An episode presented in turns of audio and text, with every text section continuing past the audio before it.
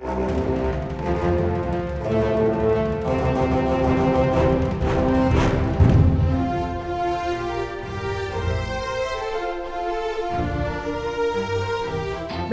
til Frankrike forklart, en podkast der du får svar på alt du lurer på om Frankrike.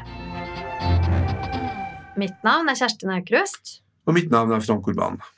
I dag skal vi snakke om første omgang i presidentvalget, som fant sted 10. april. Vi skal gå gjennom resultatene og selvfølgelig snakke litt om eh, hva vi kan forvente de neste to ukene. Og snakke spesielt om da andre valgomgang. Frank, kan du først si eh, hva ble resultatet i går? Resultatet ble som forventet. Dvs. Si at man i fem år har snakket om et eh, returoppgjør mellom Emmanuel Macron og Marine Le Pen. Og så har man tvilt litt på det underveis eh, da krigen eh, i Ukraina brøt ut. Men eh, vi, i går kveld så var vi tilbake til det som egentlig var spådd. Og hvis vi ser på resultatene globalt sett, så har på en måte både Macron og Le Pen økt sin oppslutning mellom valget i 2017 og valget i, i 2022. Så uh, det vi, Du spurte om hva vi kan forvente oss. Vi kan forvente oss en, et returoppgjør med full fokusering på hva de to kandidatene har å by på. Ja. Skal vi rett og slett gå gjennom resultatene nå? Ehm, fordi som nevnt så er det jo da eh, slik at det er de to eh, beste kandidatene som går videre til andre valgomgang dersom ingen får 50 eh, av stemmene i første valgrunde. Og hva var det Macron endte opp med ehm, i går? Macron endte opp med uh, 27,60 av avgitte stemmer. Mm. Og Marine Le Pen? Hun endte opp med 23,41 av avgitte stemmer. Jeg må bare tilføye med en gang at De tallene jeg bruker, eller vi bruker, er jo de tallene fra Innenriksdepartementet, så dette er offisielle tall. Ja. Så 27,6 mot 23,4. Det er jo relativt jevnt, men samtidig ikke så jevnt som, som, det var spådd. Jeg så noen målinger i går gjort av eh, belgisk eh, TV bl.a. som hadde en sånn valgdagsmåling før valgurnene stengte i Frankrike, som gikk på at det kunne være så jevnt som 24-24. Og da vil jeg tro at Macron svettet litt. Eh, hvis, ja, hadde, hadde, svettet litt hvis det faktisk ble resultatet. Hva, hva tenker du om avstanden mellom de to? Jeg tenker på at de, Dette resultatet er jo i tråd faktisk med de meningsmålingene som var gjort før valget i franske medier. Så det, det handlet omtrent der de skulle ligge. Så de belgiske meningsmålingene var jo veldig spennende, men de, var ganske, de slo ganske feil ut. Mm. Uh, uh, hvis man ser på Er de, er de grunn til å være fornøyde eller misfornøyde, så, så, er alle sammen grunn til å være ganske fornøyde. Fordi at Macron øker sin oppslutning i forhold til 2017. Det gjør også Marine Le Pen. Eh, og forskjellen mellom de to er jo stor nok for Macron til å kunne fremstille seg som en potensiell vinner av første omgang. Og for, for Le Pen så er forskjellen eh, liten nok til at hun kan få håpe, ha en forventning eller forhåpning om å kunne samle nok eh, stemmer til andre omgang og kanskje slå Macron. Ja, fordi eh, Macron han gjorde det jo ekstremt bra på målingen da han lå eh, en periode over 30% rett etter at krigen i Ukraina brøt ut. Da snakket man om l'effet drapeau, mm. altså flaggeffekten, eh, som, som, er dette at franskmenn da slår ring eller samler seg rundt sittende president i en krisetid. Den effekten har jo avtatt noe, selvfølgelig, men allikevel et, et solid resultat, som du er inne på.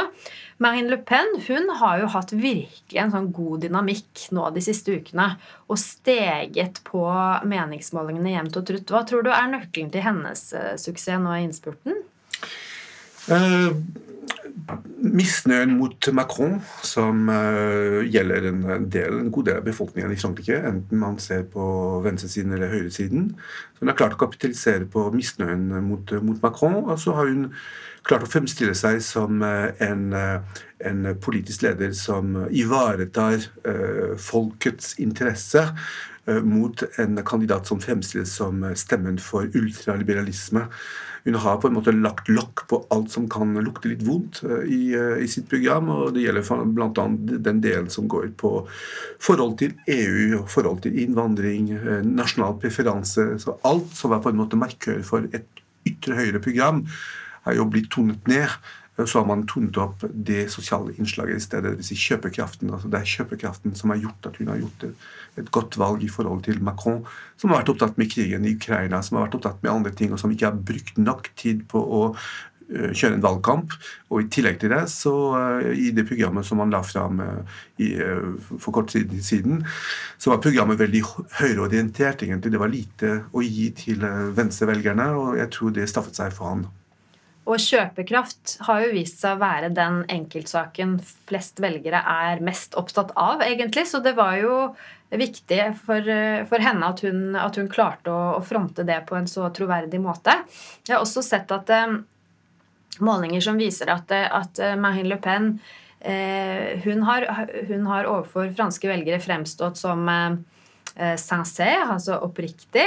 At hun fremstår mer folkelig enn en Macron. Hun, hun, blir gjerne avbildet sammen med kattene sine, veldig opptatt av, av dem.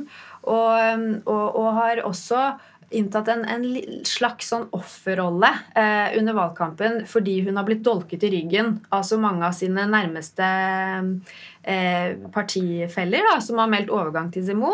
Det har jo på en måte gjort henne mer menneskelig. Er du ikke mm. enig? Er, ja. Jo, der så er det den vanskelige avveiningen mellom langsiktighet og kortsiktighet. Hvis man ser på Marine Le Pen for seks måneder siden, så var hun politisk nesten død. Eh, det var ingen som trodde på at hun skulle gjøre det stort i dette valget. Eh, og så kom krigen i Ukraina. Og, og, og krigen i Ukraina kunne på, det kunne på en måte vært fatalt for henne. Fordi at hun fremstilles gjerne som en putinist, eller en som har vært veldig eh, støttende for, for eh, både Vladimir Putin og regimet i Moskva. Så alt lå på en måte helt gærent til for henne for at hun skulle gjøre det bra. Men det, det, det som jeg syns er litt underlig, jeg skammer meg nesten litt ved det, er jo at det som er igjen av Ukraina-krigen i dag, er jo velgernes frykt for at prisene skal gå såpass mye opp at det vil ha en direkte impact på deres kjøpekraft. Så Det er ikke snakk om solidaritet med det ukrainske folket som slåss for å overleve. Det er snakk om 'what's in it for me', og hva betyr det for meg, og hva kan jeg tape? Og da har vi vært flinke til å fange opp misnøyen ved den siden av krigen, mens den andre siden av krigen, som er enda viktigere hva hun har sagt i forhold til Putin, i forhold til Ukraina, i forhold til krigen, har fullstendig tonet ned. Eh, for meg så er velgerne ført bak lyset. Ja, Men hun har jo på en måte eh, hatt um eh, altså, Det at folk har sammenlignet henne med Zemmour, har jo vært til hennes fordel. Fordi han fremstår jo eh, langt mer ytterliggående, ikke bare i, i spørsmål om uh, Ukraina, men, eh, men f.eks. i spørsmål om innvandring og islam. Og når det gjelder uh, kombinasjonen innvandring-Ukraina, så, så var jo sin Eh, hans eh, umiddelbare reaksjon når det ble snakk om eh, hvor mange flyktninger fra Ukraina Frankrike skulle ta imot, så sa jo han i utgangspunktet null. Fordi det er, altså Han har et mål om null innvandring. Og det, og det Ja. Han, han, han, hadde på en måte ikke noe sånn medmenneskelighet da, som kanskje til og med folk i hans egen, krets ønsket seg. Så eh, Marine Le Pen fremsto jo da mildere, eh, mer sympatisk, mer moderat i, i lys av, eh, av Zemmour.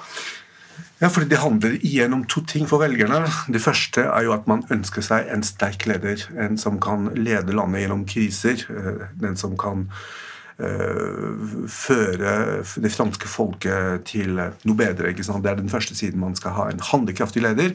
Men det handler også om en kjærlighetshistorie mellom et folk og en, en, en mann eller en kvinne, en leder. Eh, og den som den som på en måte klarer å forføre best, den som har på en måte, akkurat det du sier, med, den som klarer å fange opp på en måte Den som klarer å være men menneskelig, og, og, og, i, i Le Pens tilfelle så er det veldig mange velgere som tror at hun oppriktig skjønner hvordan de har det. I meningsmålingene så var det litt jeg synes det var, synes det var veldig, veldig, interessant å se at Macron var jo eh, blant de kandidatene som folk tenkte at, at han forsto dem, dem, minst. Mens Marine Le Pen var jo den som forsto dem mest. Mm. Altså Det har noe å si egentlig hvordan de føler seg forstått eller ikke forstått. Uh, om de møtes med en kald skulder eller ikke. Mm. Da har vi vært eh, innom eh, de to eh, fremste kandidatene. Vi må jo se litt lenger ned på lista også. Hvem er det som ligger på tredjeplass? Eh, Jean-Luc Mélenchon leder for det ukuelige Frankrike, men uh, denne gangen så er han leder for noe som heter Den Folkets uh, Union. Union, Union Populaire. Mm. Og han fikk 21,95% i slutt, som er en fremgang i forhold til det resultatet han fikk for fem år siden. Så han, også han gjorde et, et, veldig godt valg, og i går kveld rundt tolv så ble det litt panikk i hjemmene, ikke sant? fordi at han begynte å man begynte å telle de stemmene fra storbyene, og han gjorde det veldig godt i storbyene. Og, og man kunne se at han begynte å hale inn på, på Le Pen, og en stund så tenkte man at, man at, kanskje han ville klare det han hadde snakket om. Dvs. Si at han ville gå forbi uh, uh, Le Pen i siste liten, men det skjedde, det skjedde ikke. Altså. Det er 0,8 uh, altså det, det, er marginalt, den forskjellen. Men han er desidert den som har gjort et veldig godt valg, i hvert fall hvis man tar han for å være på venstresiden, så er han desidert venstresidens nye leder. Ja, og han får jo faktisk et mye bedre resultat enn det meningsmålingene skulle tilsi. Altså Han lå vel sånn maks på sånn 17 eh, i dagene før valget, så han har jo gjort et skikkelig byks der på slutten.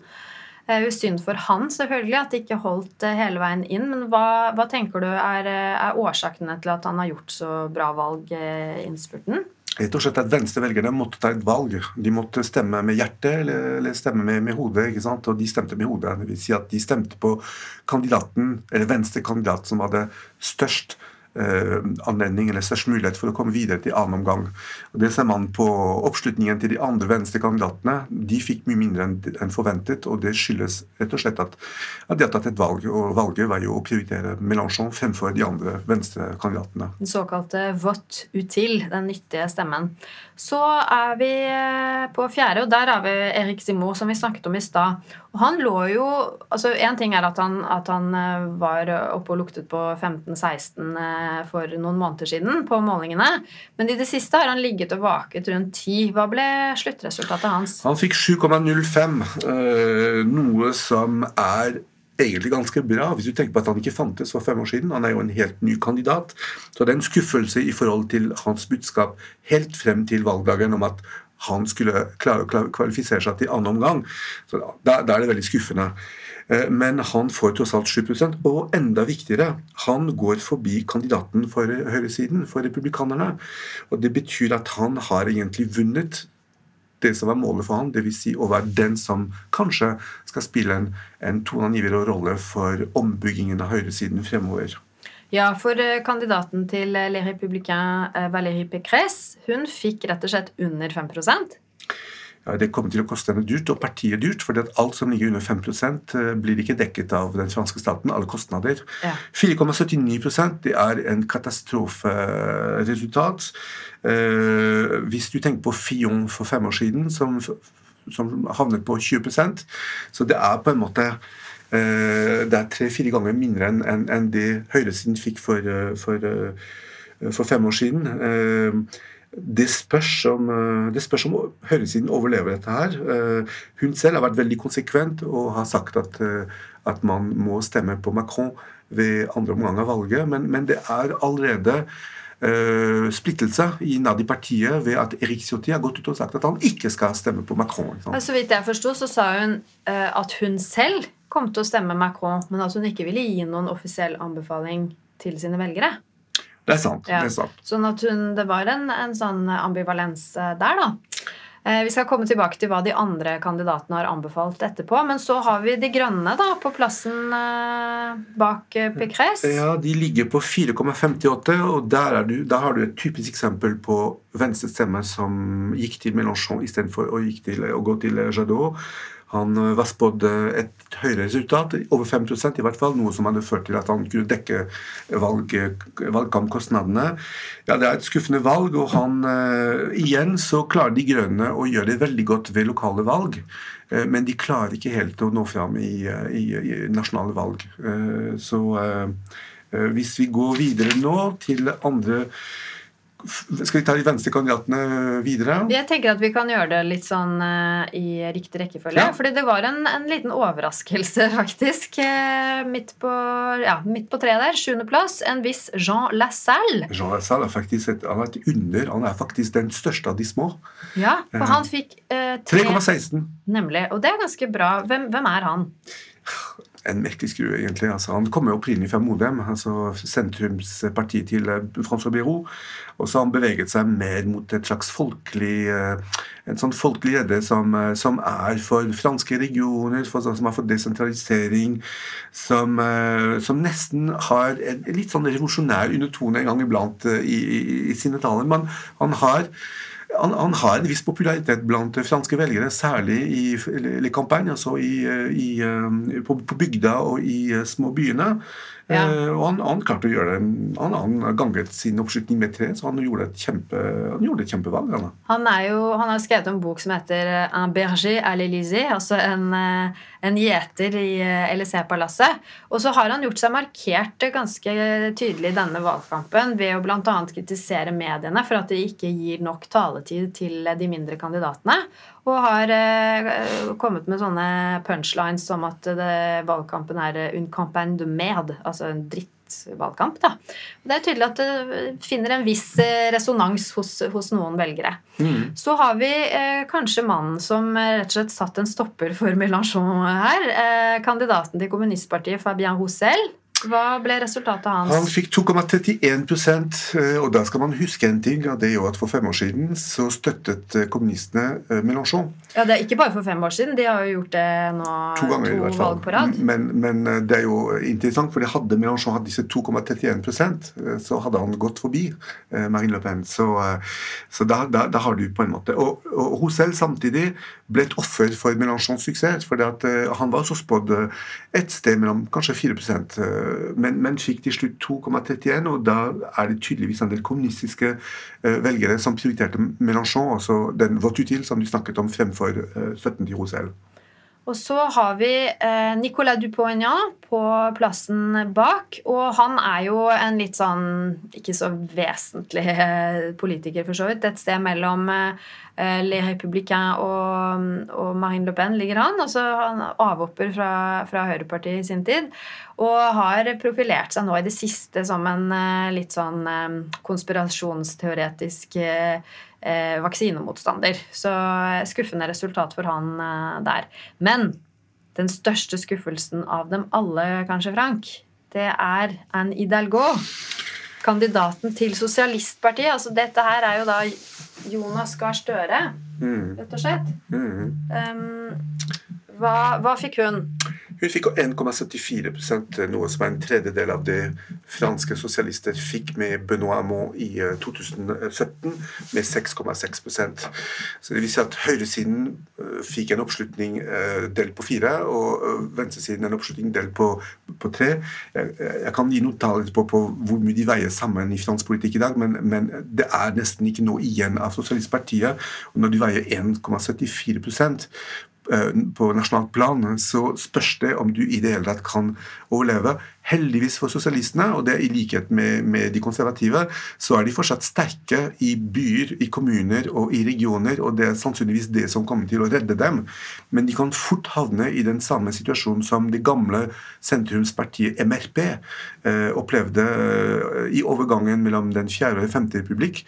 MRP var ledende parti under den, den fjerde republikk. og ble marginalisert under Den femte republikk og ble etter hvert et slags region, regionalt parti for, eh, for, den regionale eliten.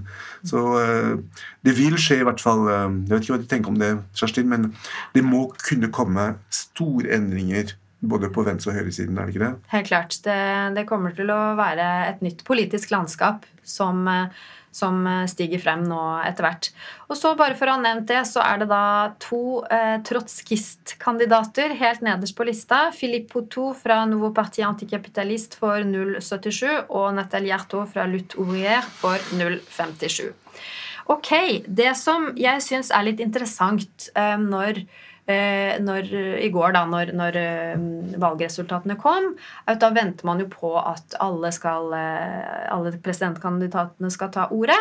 Eh, og eh, tale til sine, til sine eh, støttespillere. Og så si noe om andre valgomgang. ikke sant? Da gir man gjerne det som kalles consigne de vote. Altså at man gir en anbefaling om hva da eh, de som har stemt på en selv, bør stemme i andre valgomgang. Og Kan du si litt om hva som skjedde på den fronten i går? Ja, så En ting er jo på en måte vote, så hvem du skal stemme på, er jo veldig viktig. Men eh, så må du, så må du se samtidig på hvor mye disse kandidatene eller disse partiene egentlig veier.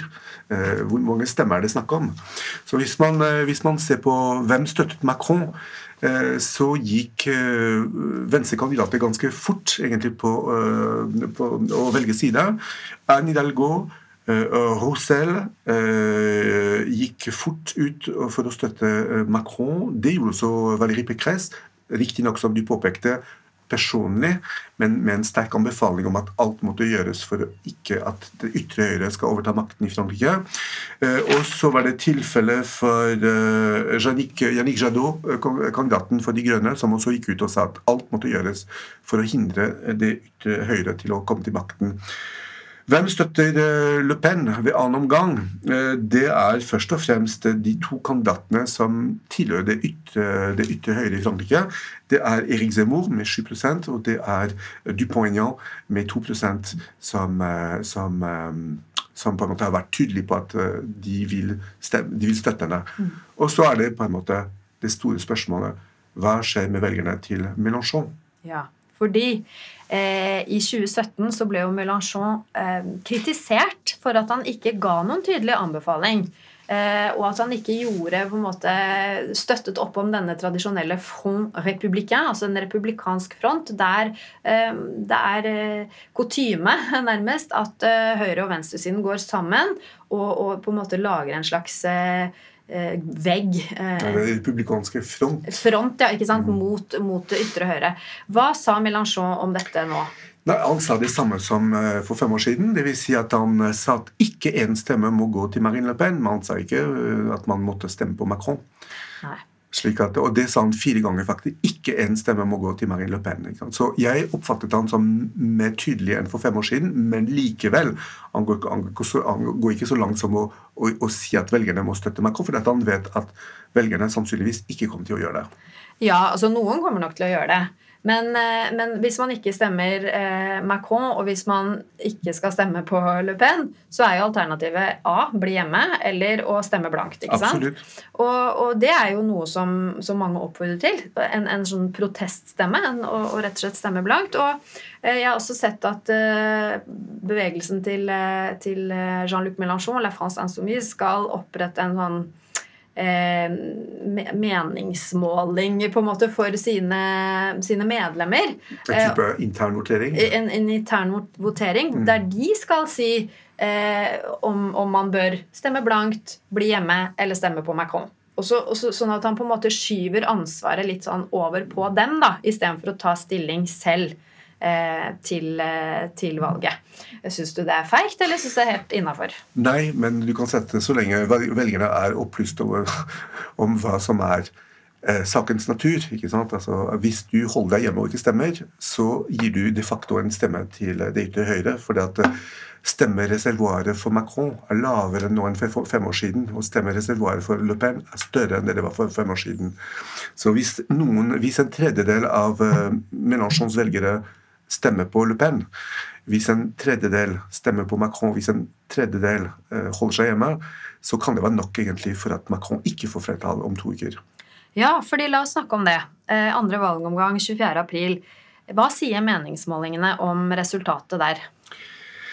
Jeg har det. Eh, det er flere, altså jeg, jeg har én, men det er, det er flere ja. omløp. Hva, hva, har du for noe? Nei, altså Hvis vi bare minner lytterne på da, hva resultatet ble i 2017, mm. så var jo det ca. 66 mm. til mm. Macron og 34 til Le Pen.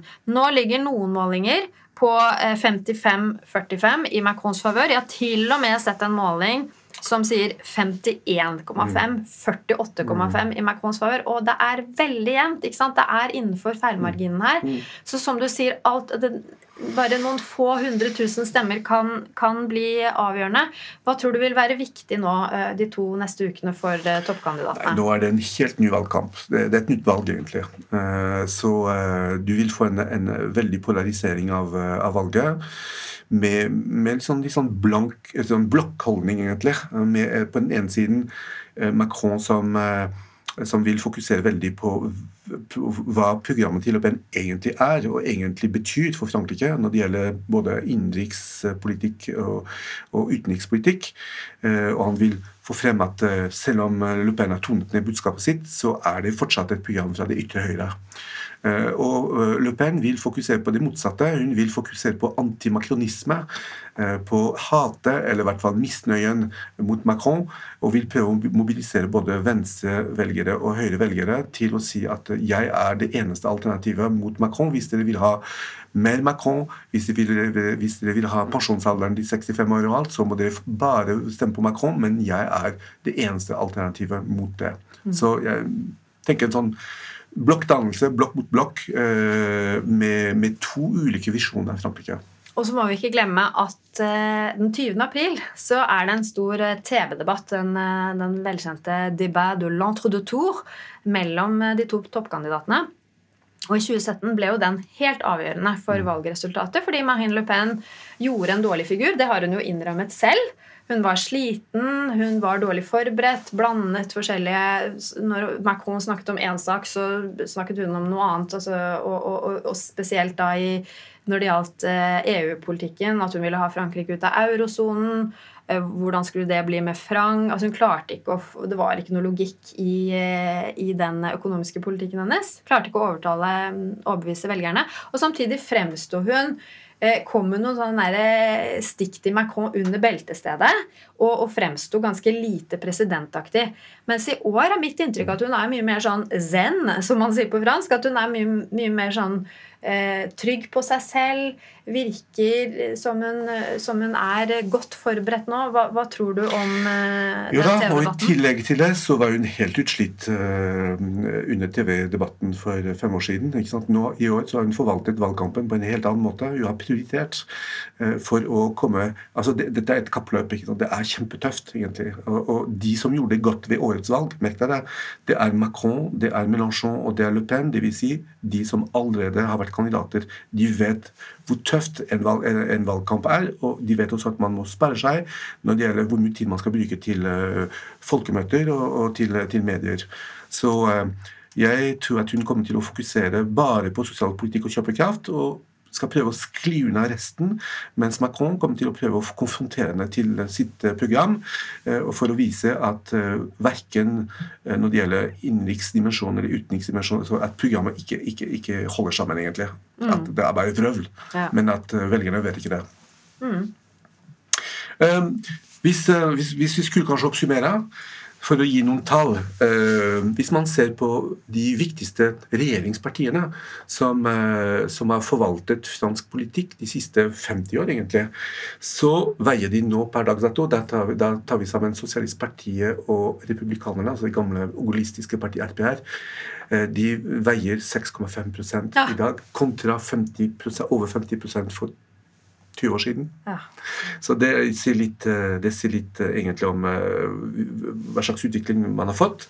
De tre første kandidatene, de, de, vil si Macron, Le Pen og Mélenchon, har til sammen fått 73 av alle stemmer.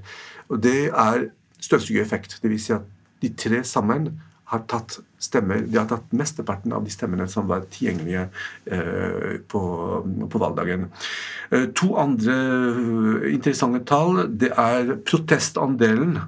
Hvis man legger sammen Zemmour, Le Pen, Dupont-Aignan og Mélenchon, dvs. Si radikale, radikale venstre, det radikale høyre, som et uttrykk for proteststemmen mot Macron, så kommer man på 56% 56,5% dvs. Si over halvparten. Og av dette så er 32,5% det utgjøres av det ytre høyre. Så for å si egentlig hvordan maktforholdet uh, slå hen. Uh, siste tall som kan være interessant å, å ta med seg, det er antall uh, sofasittere. Altså de som holdt seg hjemme og ikke stemte. Det ligger på 25% Det er større, altså det er høyere enn i 2017, men det er lavere enn i katastrofevalget 2002. så hvis du får en polarisering til annen omgang, så kan det faktisk føre til at valgdeltakelsen øker. Mm. Det var det vi hadde om første valgomgang. Vi høres igjen i neste episode av Frankrike forklart, da vi skal snakke om andre valgomgang. Au revoir! Frankrike forklart er et samarbeid mellom Universitetet i Oslo og Høgskolen i Østfold. Podkasten er støttet av Det norske universitetssenteret i Paris og Institut Francais i Oslo og har full redaksjonell frihet. Abonner på Frankrike forklart på iTunes, Spotify eller på andre plattformer der du lytter til podkast. Har du kommentarer til oss eller forslag til temaer vi bør ta opp, kan du sende inn det via vår Facebook-side Frankrike forklart. Alle dagens referanser ligger på denne Facebook-siden og på nettsiden vår. Vi skriver en kronikk i forbindelse med hver episode som belyser dagens tema fra en litt annen vinkel. Kronikken finner dere på forskning.no, Transit Magasin og på nettsiden vår.